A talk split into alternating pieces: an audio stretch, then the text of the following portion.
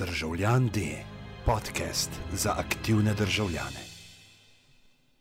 Okay, uh, welcome to, well, first, welcome to 2019. Uh, it's uh, the 15th of January 2019.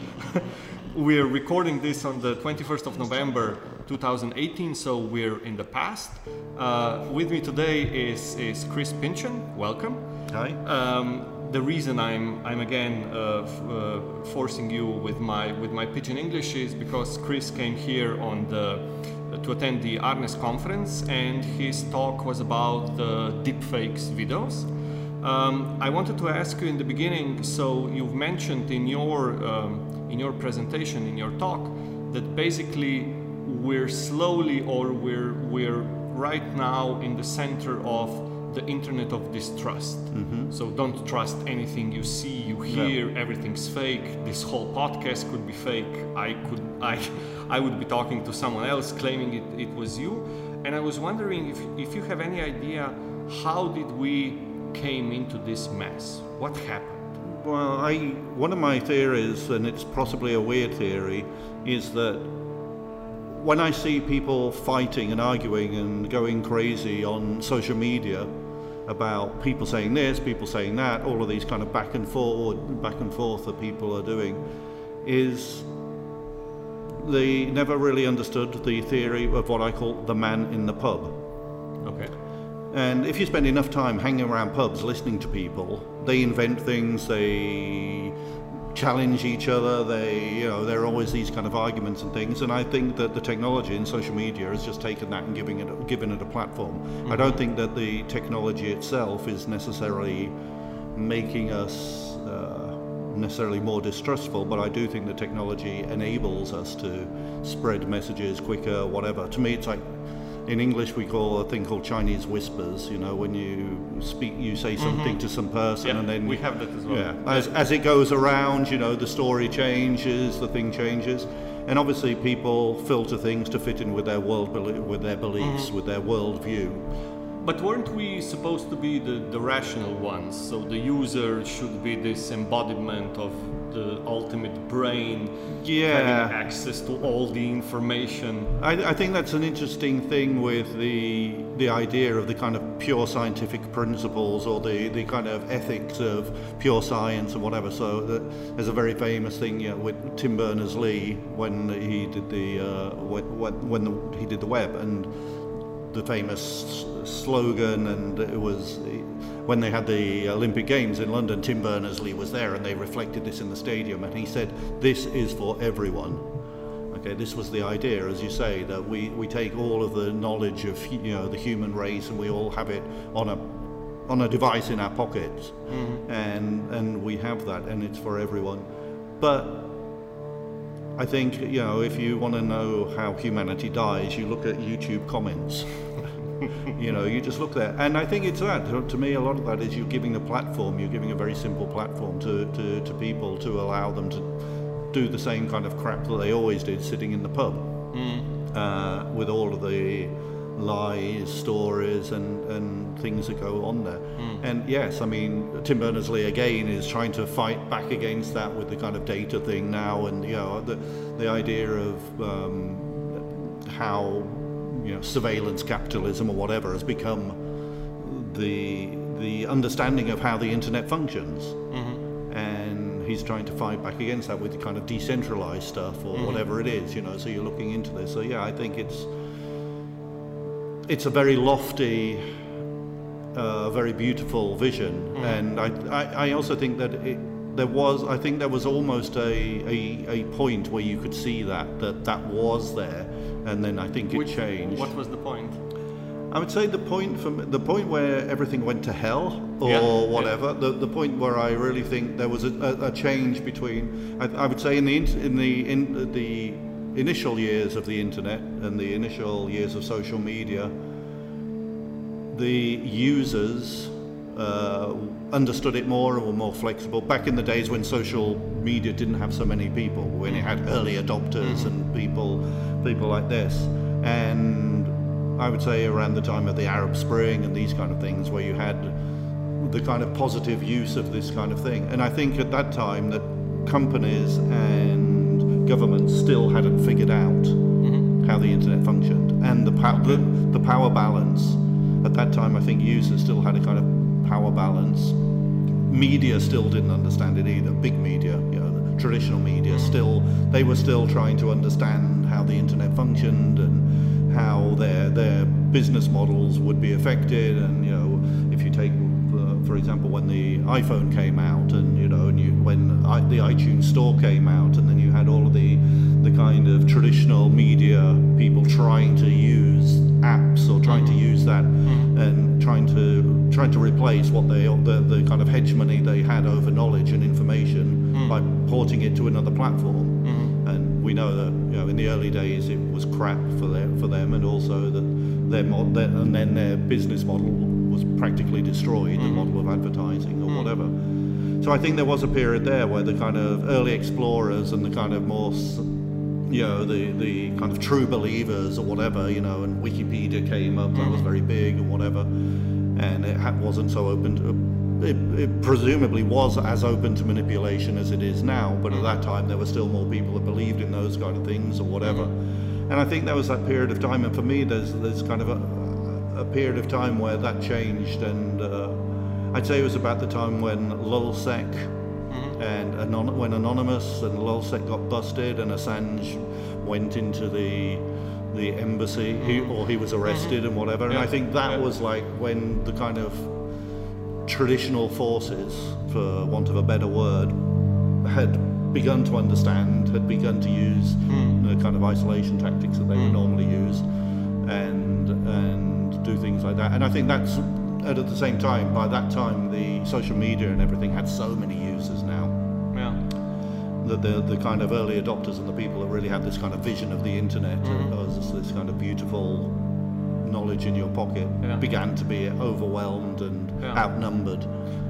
One of the questions about when things go south is basically when or how should we regulate it. Mm-hmm. So the, the perception, this general, not necessarily true perception, is that internet basically grew out of a guy's uh, garage, and there was no regulation. You know, everything was was open and free and beautiful. And then, you know, now that the the countries, the states try to impose some sort of regulation that these are bad actors that they want to do bad stuff to this to this beautiful concept while in reality the the internet was never completely opened. It mm-hmm. was always influenced by different actors one way or another.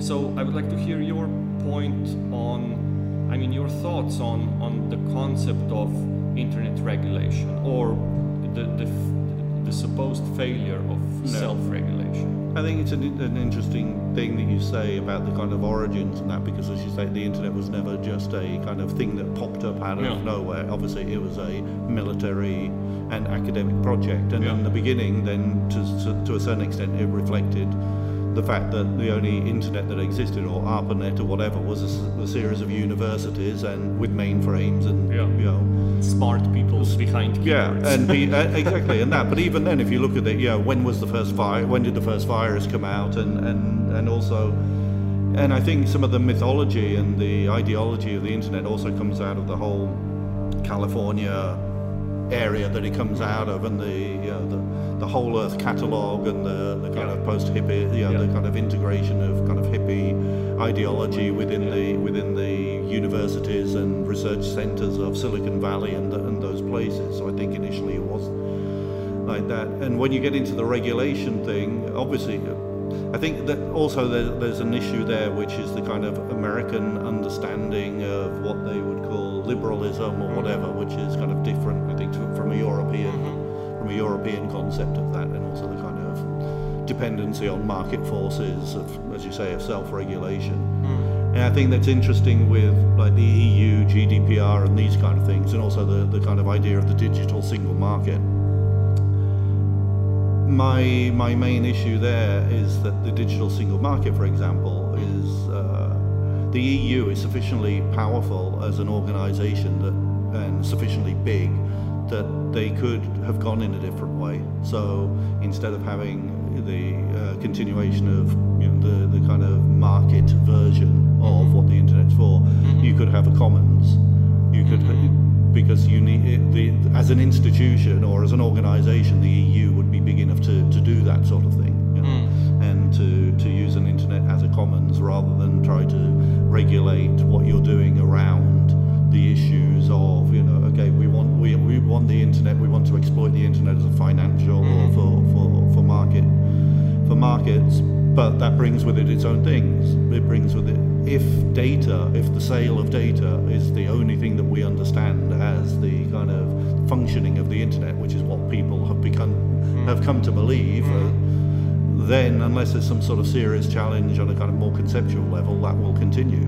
But isn't that I mean isn't that what's happening in the real world? So if you if you take a look at let's say the internet today, you're basically seeing not the the commons, not this broad uh, area where let's say the the ancient Greeks agora, but basically basically a, a, a set of castles Yeah, exactly. where you have you know castle Facebook, castle Google, and you have wars between them, and people have to choose which castle should they Yeah, but I think it's a false choice. I mean, that's the issue. It's a false choice. Mm-hmm. And I'm not one of the kind of dreamers that, you know, okay, let's make an open source version of Facebook and that will solve all the problems because we know that doesn't.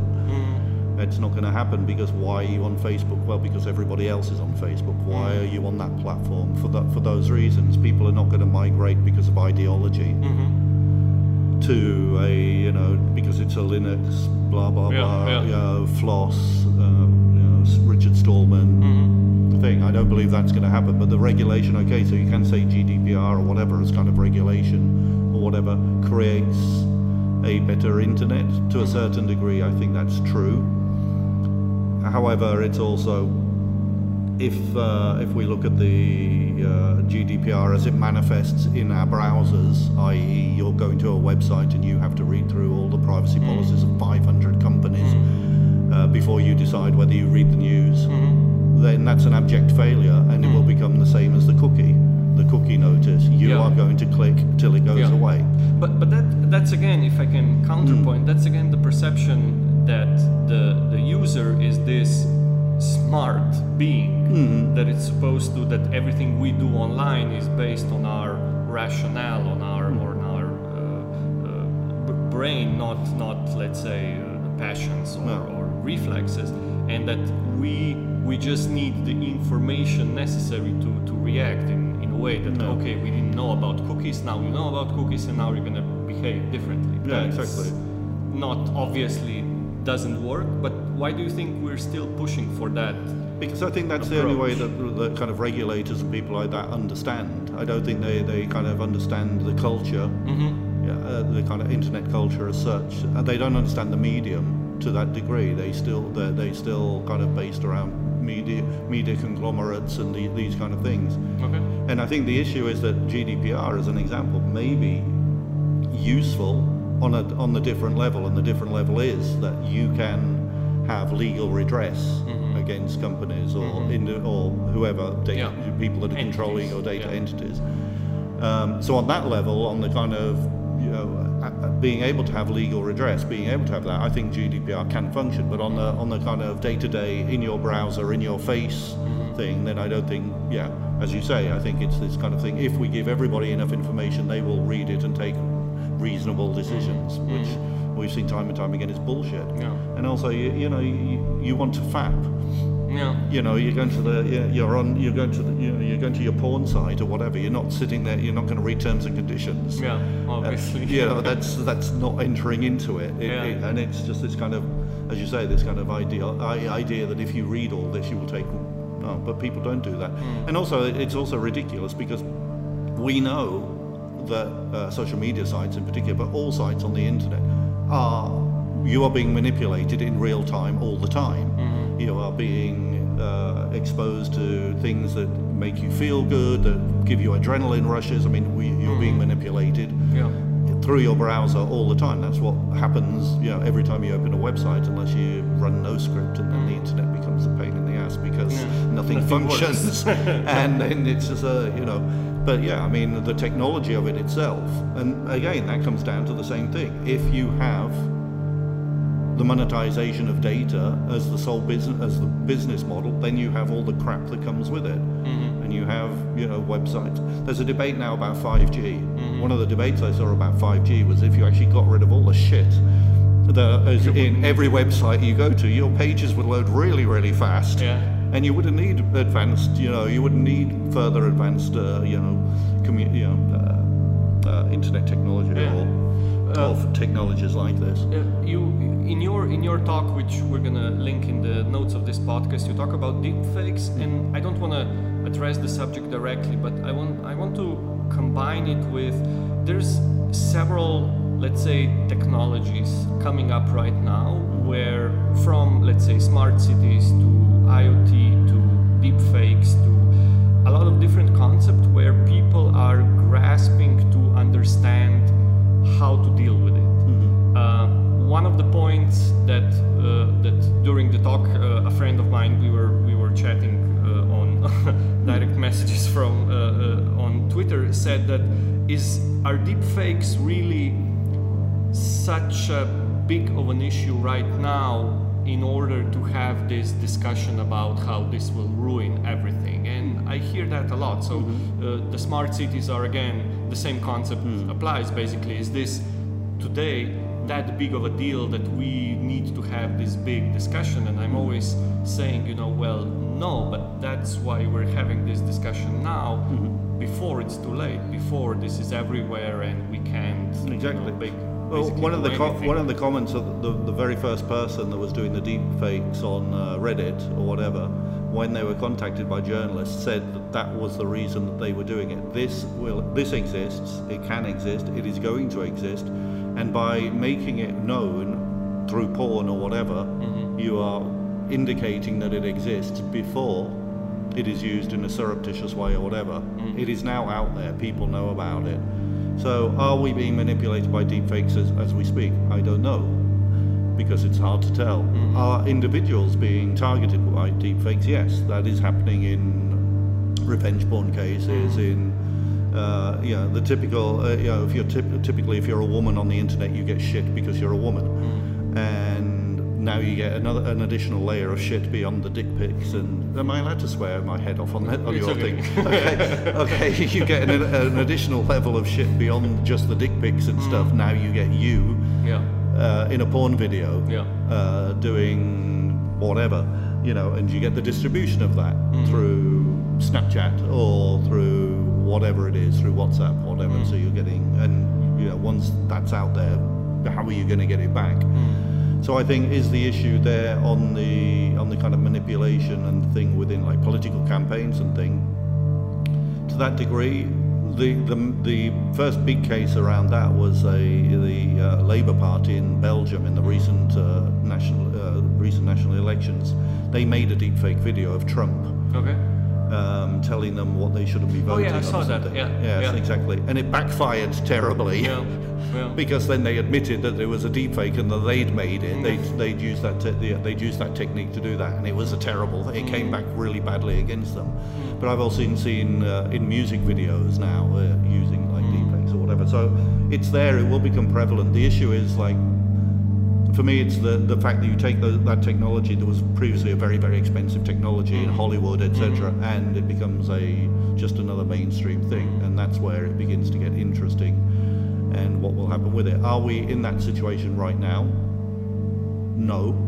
Will we be in that situation if we are not aware of it? Mm. Then I think yes. Mm. And I think the the I mentioned in the talk the, the thing with the the Trump uh, banning banning a journalist mm. recently, and the video they, they put out a faked video, mm. and they stood by the fake video. Mm. And if you track back the face, fake video, it came from um, Infowars or whatever. yeah And they're standing by that, and that's the thing. They just stand by that. Why? Because again, it plays to their own voters. It, it plays to the man in the pub. If I can change the subject a little, you're also involved in in um, digital literacy trainings mm-hmm. and in, in teachings of uh, young users how to how to deal with, with the internet. Um, would you say that? I mean, I have a I have a a bit of a weird perception of this, seeing that digital literacy is basically I don't know how you do it, but generally in Slovenia, the digital literacy is perceived as a as a you're teaching kids or you're teaching users how to use certain tools mm-hmm. Without any broader concept of how did these tools came about yeah. what's their origin what's their how do they work mm-hmm. and you're basically just teaching them you know how to use a hammer to, to hammer yeah. down a nail um, and on the other hand, you have a concept of, of media literacy where you have these emphasis on broader perspective, on the big picture, on the fourth estate, on the watchdog as the media is a watchdog and stuff, correlation with, with democracy, where you can get this, this broader perspective of, of elements mm-hmm. that are being used in, in the digital literacy. Why do you think these differences exist? And why do you think we're still focused on training younger generation? You had a you had a minister of, of I think it was of higher education opening this conference where were speaking, and he basically said, you know, we don't need users, uh, we need uh, we need technology creators. Um, and that to me read something like, yes, we need we need a new workforce.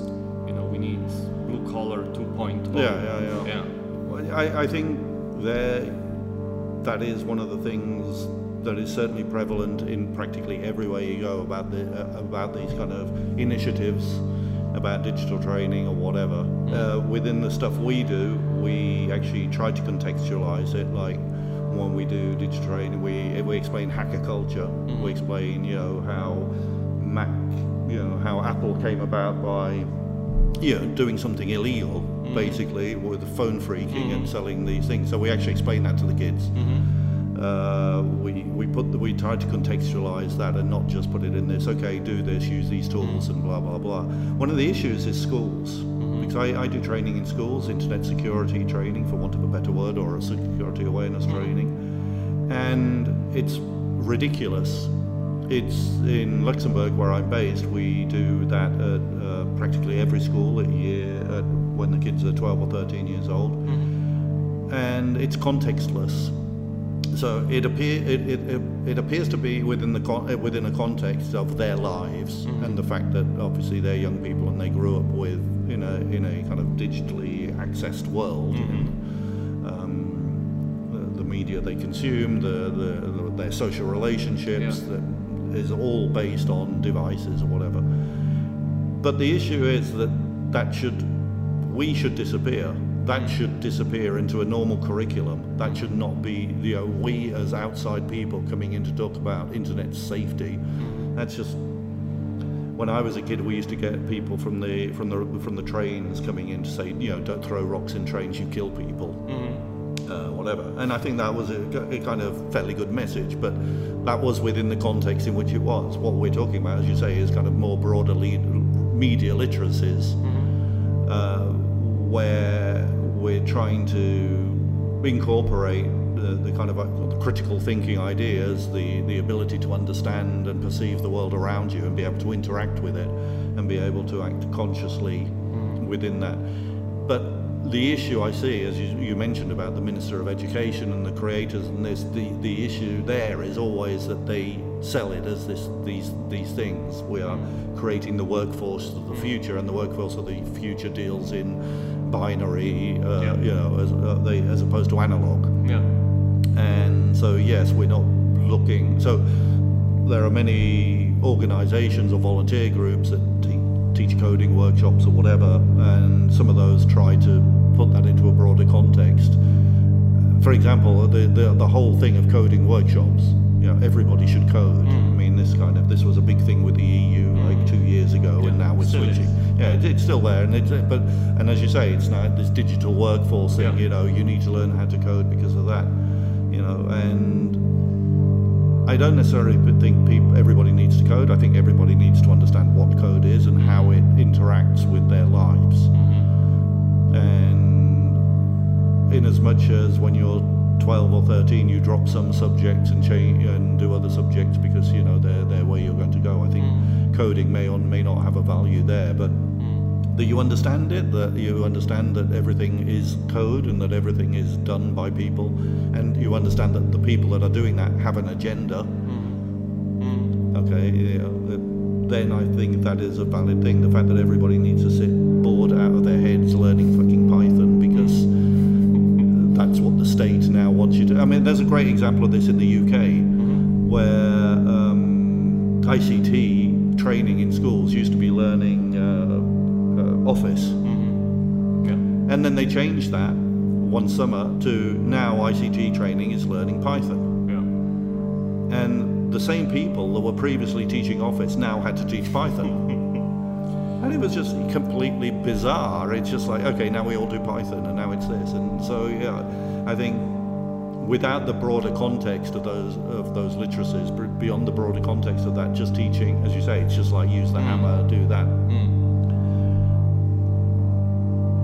There are, I think there are some more interesting things coming up. So I don't know whether you know Bellingcat. Mm-hmm. So Bellingcat, Yeah. just uh, there was a, a movie released or a documentary released this week, being that we're in November, mm-hmm. and they are they have opened an office in The Hague, and they also announced that they are will be doing stuff in schools. Hmm. They will be teaching open hmm. source intelligent techniques. They will be teaching how to identify, you know, how to find information. Hmm. And I think that that is a far more kind of vital literacy that you need to learn than everybody needs to code. You think is not participating in this discussion? Let's say the, the this idea about everybody should code comes from the industry. The industry says we need workers, we need people who can not uh, wheel a hammer but wheel a digital hammer. Yeah. And and the, the state says okay, we'll give you workers. Who's not? I mean, who's missing from this conversation in, in terms of specifying these skills and you know perception of these skills and you know AI ethics and stuff that that is that the whole conversation is tilted you know towards the industry.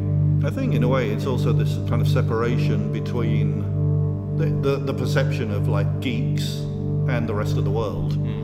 And so geeks are away in their corner doing their stuff, uh, the, the rest of the world's doing their stuff, and there, there's some overlap whereby we need geek stuff. Mm-hmm. So we have to kind of channel it through the normal kind of things of it's getting a job or it, mm-hmm. it, it, it's doing that thing.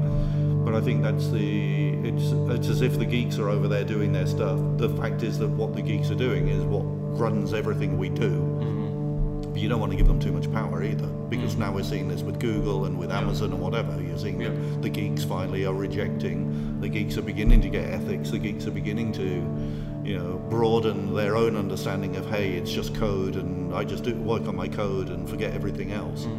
And so you have got the, you know, that Google had to drop their participation in the um, the drone The drone program program, yeah. or whatever because and that's an important message when you actually get this idea that it's not just the blue co- as you say the we need the blue collar workers but these people who are advanced very highly skilled mm. experts are actually beginning to go away from just the idea of hey I just want to sit in the corner and do my code mm-hmm. and actually beginning to wake up to their mm. kind of political power or their, their, mm-hmm. their power there.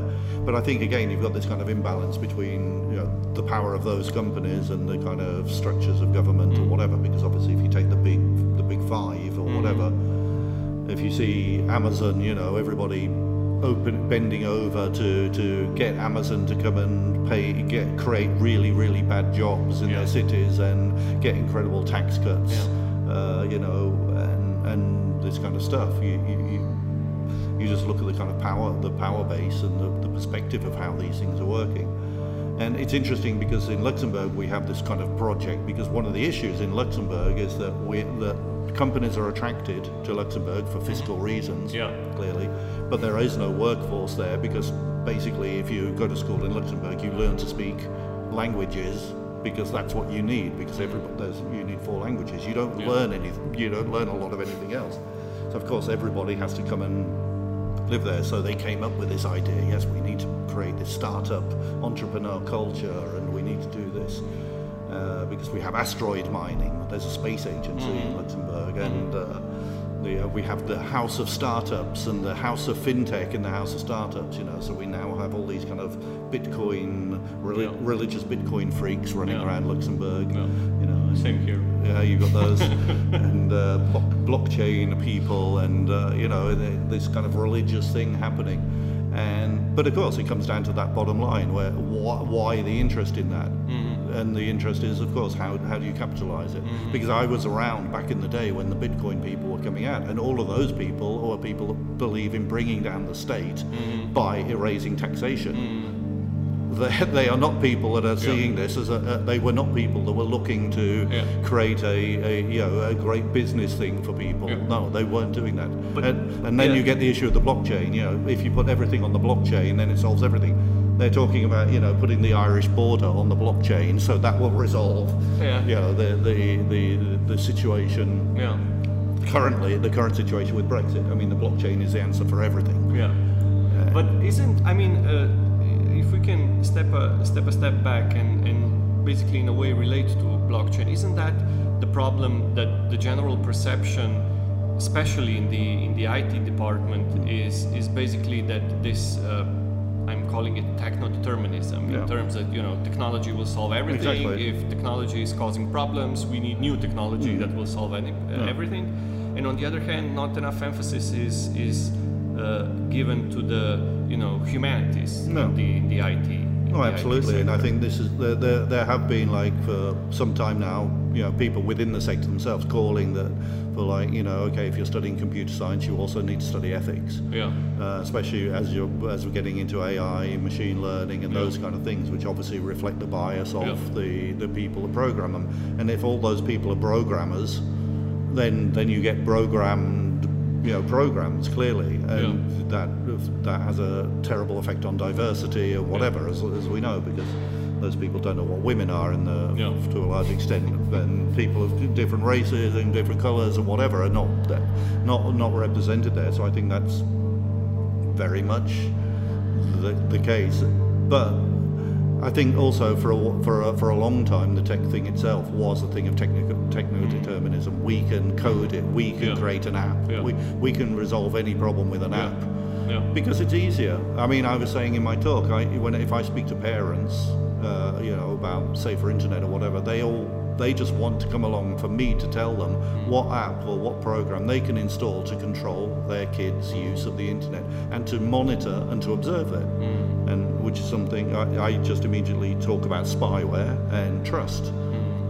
And no, you will not resolve trust issues with your child by installing spyware.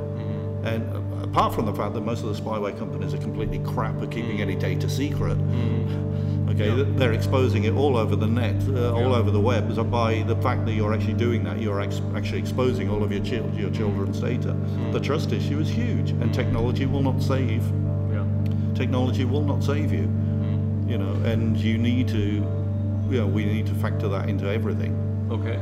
But what's in? Let's wrap it up with this one. Uh, what's the?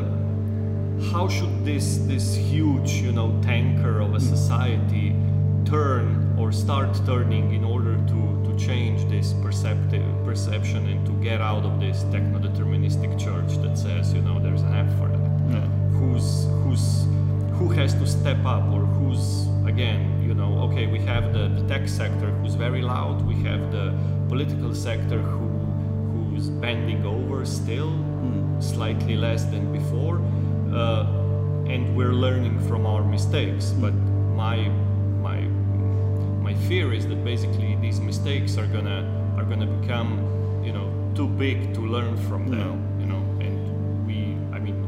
not gonna say we're not gonna survive all of the mistakes we made but isn't there a better way to change course and to start? I think the, the first thing is- there's an ele- in English we say there's an elephant in the room, mm. and the elephant the element the elephant in the room is capitalism, mm. and the internet and the society we're in reflects that. It reflects how capital ta- has taken every every part of the developments of that and repurposed it to its own purposes, as it mm. always does. Mm-hmm. And until something on a kind of fundamental you know, political level changes in that area, then I don't think the rest is going to change. There, there is an issue about well, when we talk about the internet that it's very strange the way people have this kind of belief that these things are going to be around for a mm-hmm. long time. Unless you've ever lived through MySpace, mm-hmm. you know, it's very hard for people to believe that these things will disappear, change, mutate. People will move on to different things. You know, it, it's like it, it, it's as if this is immutable. It's as if what exists as the internet now is what there always will be. It And- always was. and it always was, exactly. Yeah. And yet this is a really, really young thing. And it's a culture which is we're still developing and still finding and still building and still deconstructing and still fighting and still going through this. So, you know, cities have been around for, you know, centuries. This now we get the smart city, which is another layer of crap we don't need. Anybody that's interested in my opinion on that, um, because it's just more surveillance. Yeah. Um, and IoT is a great example of that. You know, and but we're just getting more of that stuff. But the basic thing comes down again and again. If you are monetizing data, then that will be the thing that is driving all of this. If there is no other model except the monetization of people's data, then obviously privacy is fucked. Um, intimacy is fucked because you know it's like sex toys. You know, if people are monitoring your sex toy use, it, and that's not the technology. The technology you can do all of those things without having the spy the spy level. Yeah. You can have uh, you know you can connect vibrators over the internet and remotely have uh, sex with your partner or whoever, with whoever without any third party knowing or having to know that and having to analyze your data. Hmm. The technology it's nothing to do with technology. Yeah. You know, because that, that's the thing with the early people, as you mentioned before, about the early people and the technology. Why weren't these things put into place? Because they were all scientists that all knew each other hmm. and hung out with each other, and this was just another, you know, broader thing. So they were just developing shit. We need a new protocol to do that, hmm. and yeah, they weren't thinking about why because they didn't bel- they didn't know that it was going to be this huge thing, which in reality is held together by pieces of tape and crappy code that's so old that if you remove it, the whole thing is going to collapse. You know, and you've got all these these kind of things. That's not, but that and that's the kind of situation we're in. The issue being, and I think this is again coming back to the techno determinism and also the, the thing about politicians and the thing about business and thing it, it's the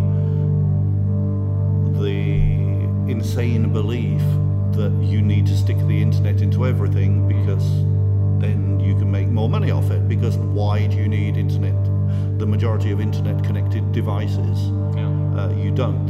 I mean, you know, brushing your teeth or whatever the hell it is, or your the internet-connected hairbrush, um, all these things which you know can be used very simply as botnets because no no security, no passwords, no mandate to do that stuff. Because if you're creating a webcam for five bucks in China, if you put a security guy on there, you suddenly lose the margin that you have of building that that thing. And the issue is when you put the internet into anything, mm-hmm. then people find a use for it. I'm going tomorrow to, to London to do a crypto, uh, uh, for a crypto party, and that hmm. crypto party is about the weaponizing of IoT in domestic violence. Mm-hmm. So people, usually guys that have a smart home or whatever, have been kicked out of their home through court orders or whatever, but they still control the tech in the mm-hmm. smart home. So they are using it to continue psychologically or maybe in some cases physically harming their ex-partners. They're controlling the thermostat. They can control the heat, and the temperature of water in the shower, hmm. lights, hmm. uh, music, what, whatever. They're using that now. What's the issue there? Is that a tech issue? Is it a issue of regulation of companies? Hmm. Is it an issue of society? You know, why is it that guys, when they get the opportunity to exert control over their smart homes, will do this uh, in this way? I very much think it's the last rather than the first. Of you know, does the technology drive them to do that? No. But will every will people find shitty uses for all technology? Well, yes, because we're shitty, we're horrible, whatever. I don't know. People that are going to do horrible things are going to find they're going to use the tools. You mentioned the hammer earlier. A hammer is used for many things. You know, uh, Cory Doctorow always had this thing about cars. You know, a car can be used to rob a bank, be driving away, run people over, but nobody calls for a ban on cars because Yeah. you know these things happened. Yeah.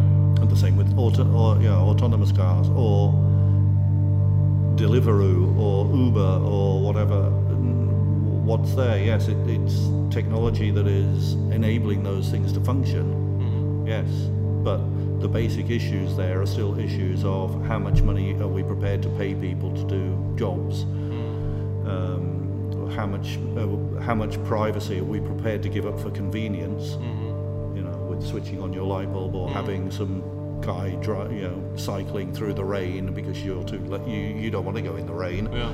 So you know you'll use your app to do that. And how much information are we prepared to give away for those comforts? At mm. least in the kind of Western world and within that. And how much are we prepared to accept people living in shitty conditions mm. and uh, working in terrible situations to pre- to create batteries and glass and things for our our devices. Hmm. You know, to which degree are we prepared to, to live with that? Well, we do. Okay, but just one more final, final, final question, and then final. We, we, we're going. So you seem, I mean, uh, you have to be, at least in my opinion, you have to be careful when when talking about, you know, the decisions people are making for themselves or for ourselves, and the general, let's say, the the the general regulation on a society level mm-hmm. Because to me and i have an issue with you know digital trainings as well is that basically everything comes down to me you know to my decision about which app to use which uh, tool to which device to use where to shop where to you know get my ride and stuff. And i think we're omitting a very important uh, part and that's basically you know the society. This is not the jungle you know i don't have to fend off lions and bears and snakes and whatever. We're living in a you know there's supposed to be like the, the major benefit of the society hmm. exactly that we i mean every individual doesn't have to fend for himself No. and i think that's in a way missing from this you know it sector where everybody's you know your own profile and your own gadget and Yeah, I, I, th- I, I would say you're right there, and it's very interesting. The I come back again because you talk about the digital training and things. I come back to the kids in this kind of context. The kids are increasingly isolated. So a- a- again, it's the, the chicken and the egg, the uh, crossing the road. Children have their ability to explore or to go out or to, to, to wander the city has been has been reduced time and time again. Each generation, their ability to, to actually go out and participate and be in the street or whatever is reduced. The area in which they're allowed to go. Um, even though we're in a situation, we're in, children are the safe, the safest they have ever been in the entire history of the world, at least in kind of uh, in you know, kind of yeah. advanced countries. And yet, we control their movements far more than they have ever been controlled in the entire history of the world. We then have kids whose only meeting space is online because they're not allowed to go out. They don't go out. Their idea of a social thing is Netflix and chill. It's not going into a cinema or, Yeah. or, or whatever. So we have reduced the space in which uh, kids, young people operate, and we put them into you know where their their their existence is through apps. It is through it is through that we're monitoring them, we're controlling their movements, and then we on top of that we give them digital training to show them. And I, I did a talk last year about this. This was before GDPR and before Facebook uh, and Cambridge Analytica, and my talk was called "The Big Bad Wolf."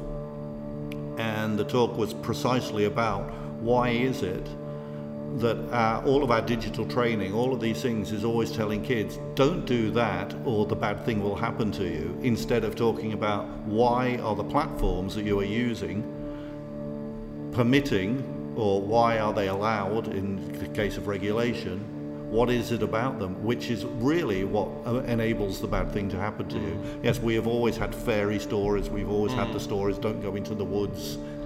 The wolf the bad wolf will get you but who was the bad wolf was the bad wolf you know that abstract thing or was it actually facebook itself or was hmm. it uh, instagram itself or was it you know whichever other thing you're going on at the time. Hmm. So we, we, we put all of the thing on the kids, and I, I compared it in the event. It's like when we say women deserve to be raped because they wear short skirts and were drunk. Hmm. And that's what we're saying to kids in a lot of these kind of digital trainings. Okay, if you don't behave, if your behavior does not conform, then bad things will happen to you. We have, see that with sexting, we see mm. that with all of these things. And, and if you, you were talking about laws and regulation and thing, in many countries, it's, it's legal to have sex at 16 or whatever the age limit is, but it's illegal to send sexual images until you're 18. Mm. So what the fuck is that about? I mean, that certainly needs to change if you're going to, to understand anything. So the, the because again, you have uh, legislation about child sexual uh, content, as it's called. Child porn is what most normal people, what people would normally describe that. But you have specific legislation and things about that. And again, in those, those kind of issues, you're talking about you, you're having this digital training or whatever. You're not looking at the broader context. You're not putting it in its place, and you're not looking. I mean, what about the the social aspect of if you are not on that platform, you are dead socially. Mm. I mean, there's no debate about that. Mm. You know, I've got a teenage son. You know, it's like you know, if you don't have that app, then you may as well not exist because if everybody else in your social scene is on that app, that's where you have to be. Mm. And do you have a choice about that? You know, no. You know, there's you are, you have no choice. And again, it also comes back down to the platforms and the things they give and the exchange that they're getting. So what what are they getting? They're getting the data for a very good demographic, which spends you know lot, lots of their parents' money. Um, yeah, and they're doing that, but they're not. And as you say, it always comes down to an individual thing.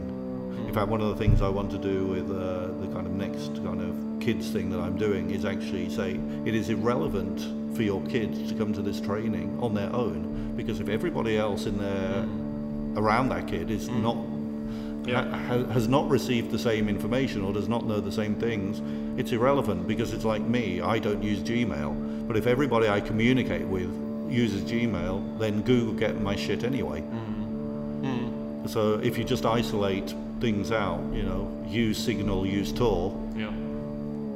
You know, which is the typical cybersecurity training for you know for everybody. Oh, if you use Signal and you use Tor, then everything's okay, without examining any context hmm. or or even looking at how you actually use Signal or Tor. Hmm. You know, but that's just the, the kind of repeated religious Yeah. message. Techno-determinism. Yeah, exactly. It's just like that will solve. You know, Tor will solve everything. Yeah. You know, and it's just like it's bullshit, and it, and it doesn't it doesn't look to the context of anybody. Yeah. You know, but it, and again, as you say, it's just a simple fix it. You know, block. You put it on the blockchain. You know, put if you put it on the blockchain, it will all be okay. If all kids are on the blockchain, we have no problem. We have a there's a one rule. It's not about cursing on this podcast, but it is about blockchain. So anytime somebody mentions blockchain as a solution, we stop recording. So I, I didn't mention it as a solution. We, I, I've actually been to conferences where every time you mention blockchain or, or Bitcoin, you have to drink. and some of those conferences, you know, people are getting drunk very, very fast because it's, uh, you know, yes. Okay, um, thanks so much, Chris, for, for stopping by. Uh, we'll continue this discussion offline in a, in a pub environment. Um, thank you all for, for listening. Uh, have a wonderful uh, 2019, and uh, we'll see you next month.